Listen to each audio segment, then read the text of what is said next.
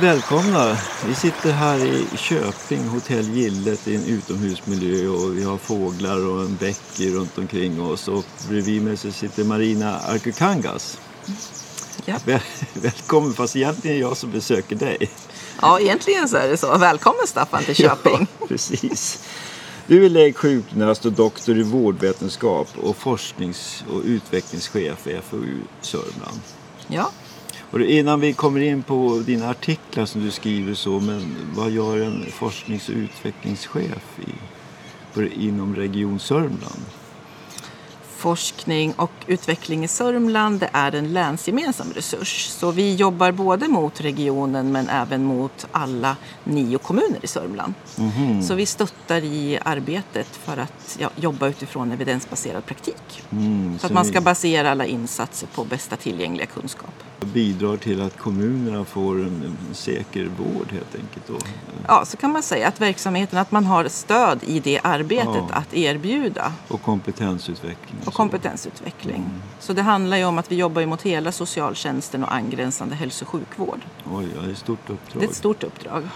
Allt från barn och unga till, Ja, till äldre, allra att äldsta. Det är uppskattat. Absolut, det är uppskattat. Du har ju skrivit en del artiklar och jobbat mycket med forskning inom, inom äldre och fallolyckor. Mm. Och nu senast den här veckan så kom ju en artikel med fysisk aktivitet överlever vi en pandemi. Ja, Så. visst.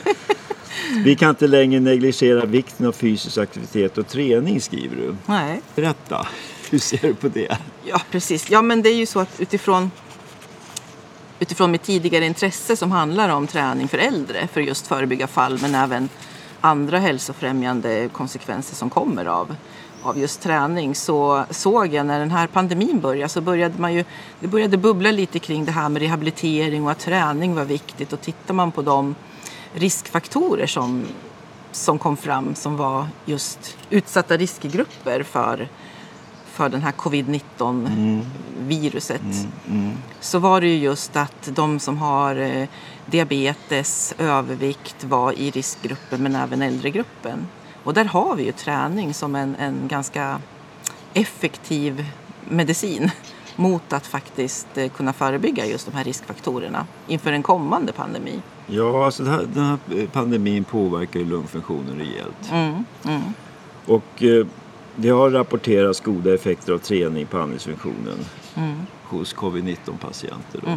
Det kom ju ut forskning ganska snabbt eh, kring det här. Just med rehabilitering pratar vi om då.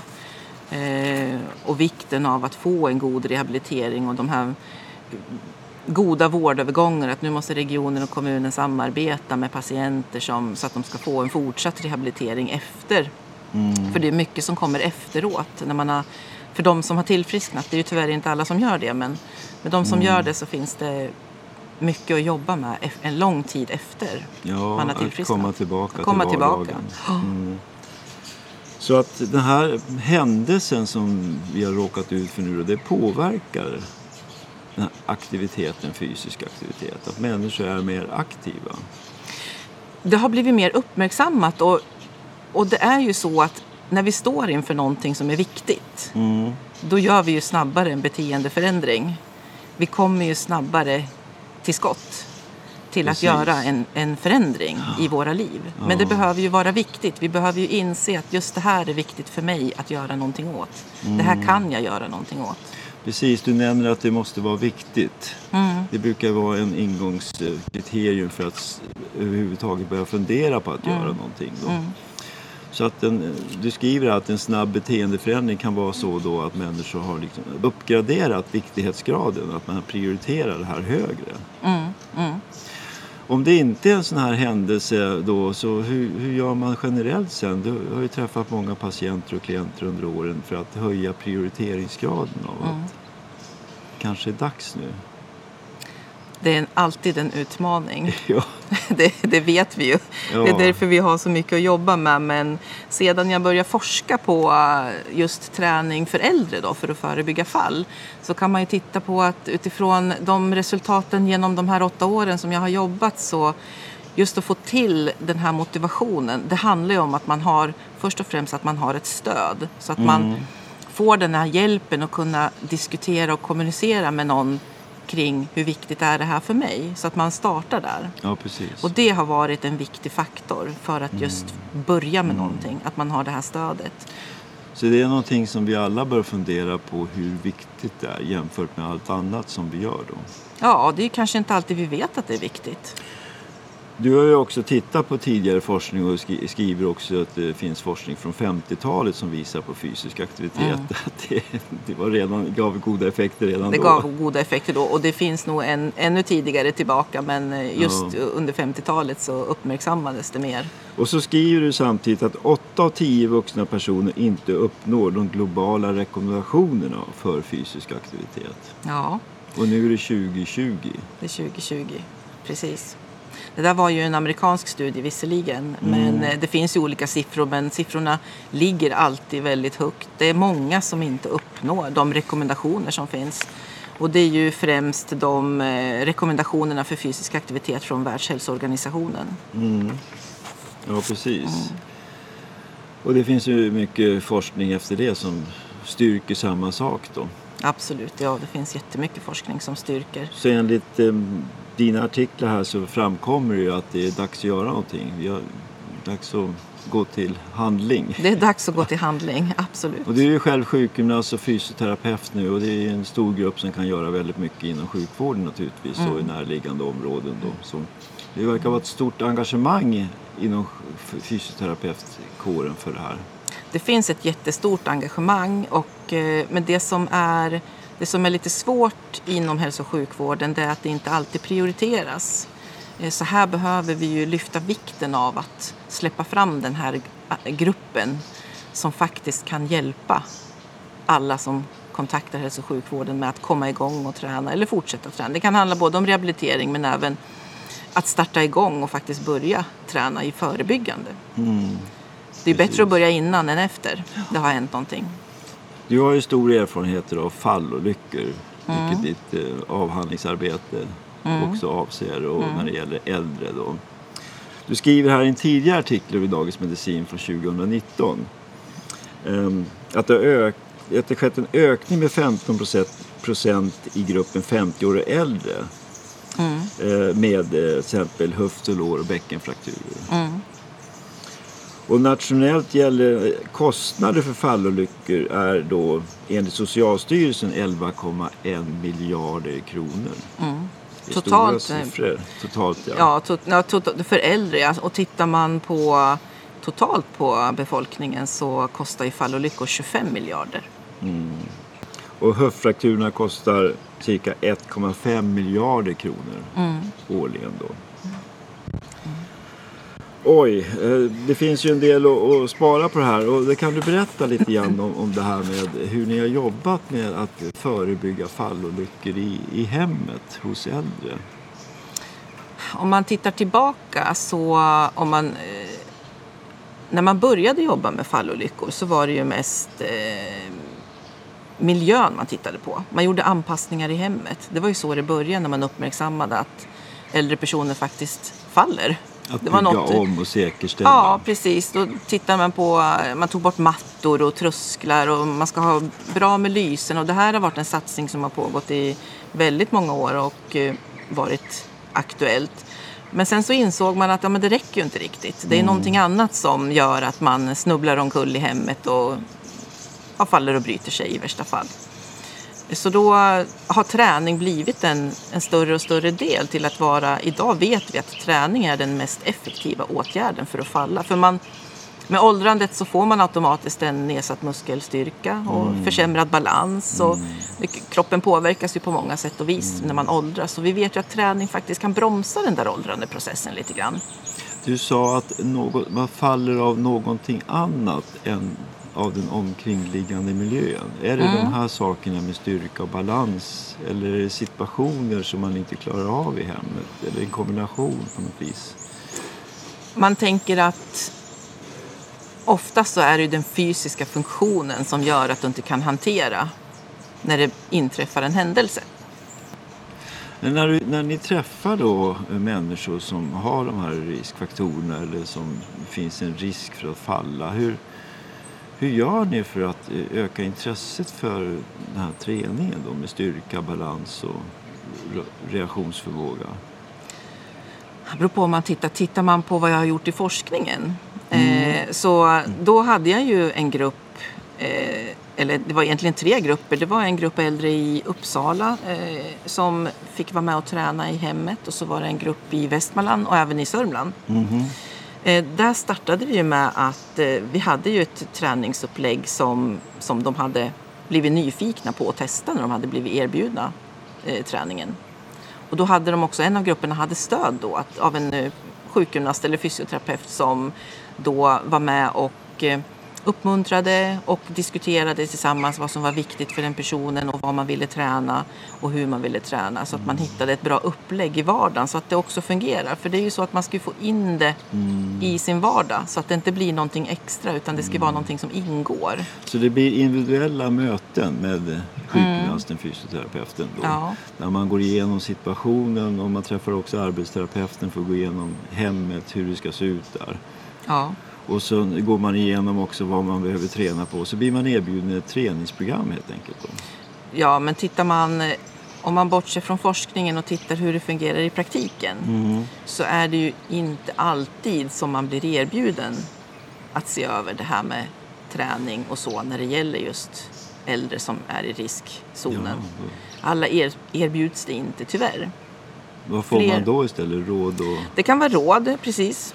En broschyr eller någonting som man ska göra på egen hand. Oftast handlar det om att se över miljön, titta på läkemedel. För ser man också på, en fallolycka är ju väldigt komplex. Det går inte att säga att det är en sak som bidrar Nej. till det. Det finns, det finns över 400 faktorer som man har identifierat som är Så- risk. Så vad jag förstår då så, så är erbjudandet är nyckeln. Att det finns ett erbjudande från vården då eller andra i närheten där man kan genomföra ett program med en typ av handledning. Då. Ja, Det är det som skiljer då mot tidigare. För fick man ett råd eller rekommendationer. Ja, och det ser ju olika ut vart man bor också i Sverige. Så är det ju. Mm. Det beror på hur mycket man satsar och vad man prioriterar just Det i här i din forskning då, hur såg det här erbjudandet ut? Hur, stor, hur, hur var omfattningen? Där var det, ju, eh, det var ju baserat på ett eh, träningsprogram som hade testats tidigare på Nya Zeeland eh, eh, sen eh, slutet på 90-talet. Jaha. Så, ja, så det var en forskargrupp som har tagit fram ett eh, specifikt fallförebyggande träningsprogram. Då för, det var lite anpassat till åldersgruppen 80 och äldre Okej. där man hade sett att det hade väldigt god effekt.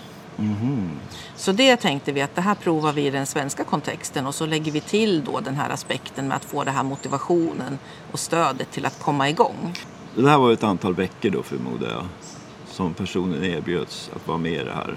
Ja, de erbjöds att vara med i studien. Träningsupplägget det är ett år. Ett år. Mm.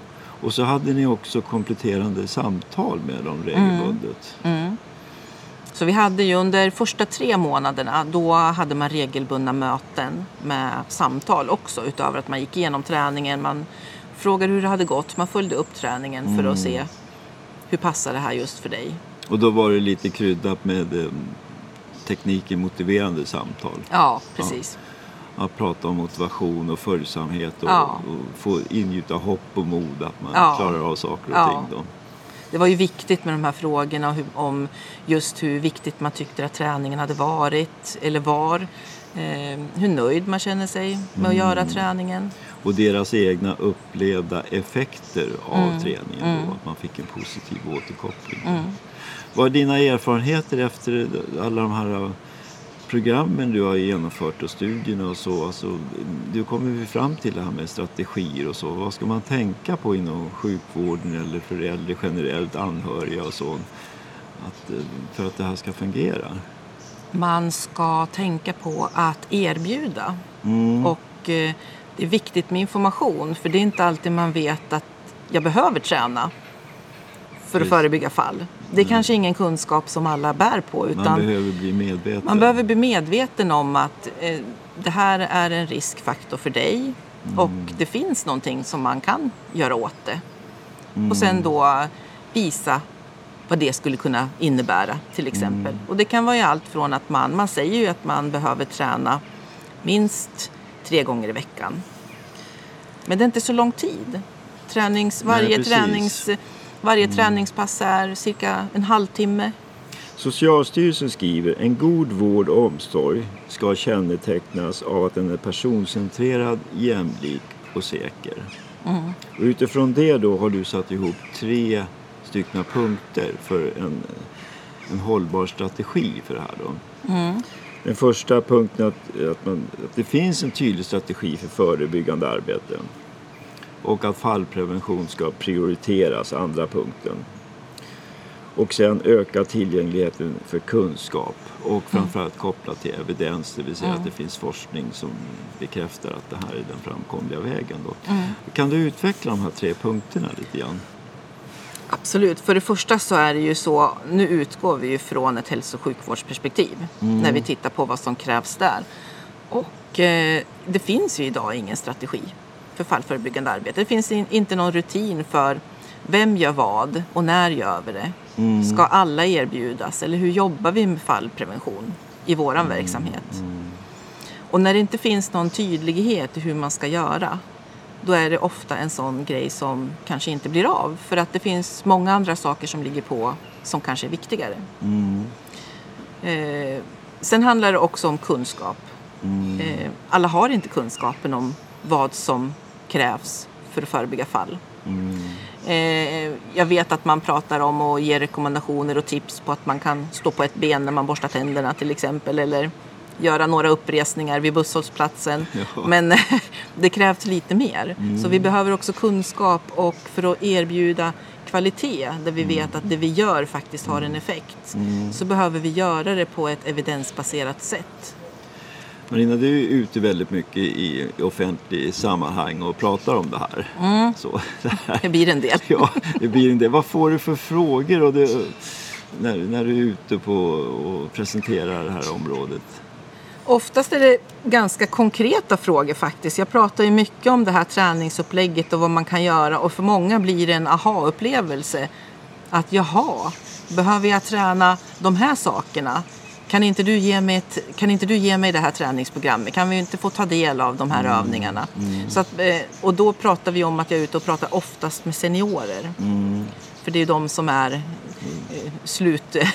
Och det är en väldigt aktiv grupp. Det är en väldigt, och man Ja. är väldigt intresserad. Så det är ju, där ser jag att bara man får informationen så, så blir det lättare att man faktiskt kan göra det när man får den här motivationen och ser vilka konsekvenser det kan bli och vilka effekter, eh, vilka effekter det faktiskt ger av att komma igång. Det måste ju vara roligt för dig naturligtvis och för många andra att, att eh, i, trots den här besvärliga situationen vi har hamnat i nu så är hemester, man är hemma mycket och man rör sig mycket. Friluftsliv verkar ha ökat ändå. Absolut, det är ju därför det har lyfts upp lite och lite grunden till den här eh, debattartikeln igår som var då att har vi gjort en beteendeförändring? Så vad är dina tankar om framtiden? Vad, vad tror du när, när den här pandemin har gått ner lite grann? Vad, tror du att det här kommer att få en påverkan på samhället? Att, eh, Att man är mer engagerad. Är jag, mer- jag tror ja. frågan kommer att vara aktuell ganska länge. Men om den inte prioriteras högt uppifrån Mm. så kommer det ju att plana ut. Men tar man tag i den nu, Mm. nu har man ett jättebra tillfälle att faktiskt fånga upp det här. precis. För det finns ett så stort intresse. Och precis det här du säger med hemester och vara hemma. Men just det här att vara isolerad också. Att digitalisering har ju blivit en viktig del. Det finns ju otroligt mycket eh, videoklipp och, och filmer om träning nu som cirkulerar i media runt om överallt. Och vi har ju också utifrån den forskning jag har gjort så utvecklade vi en app där just den här fallförebyggande träningen finns.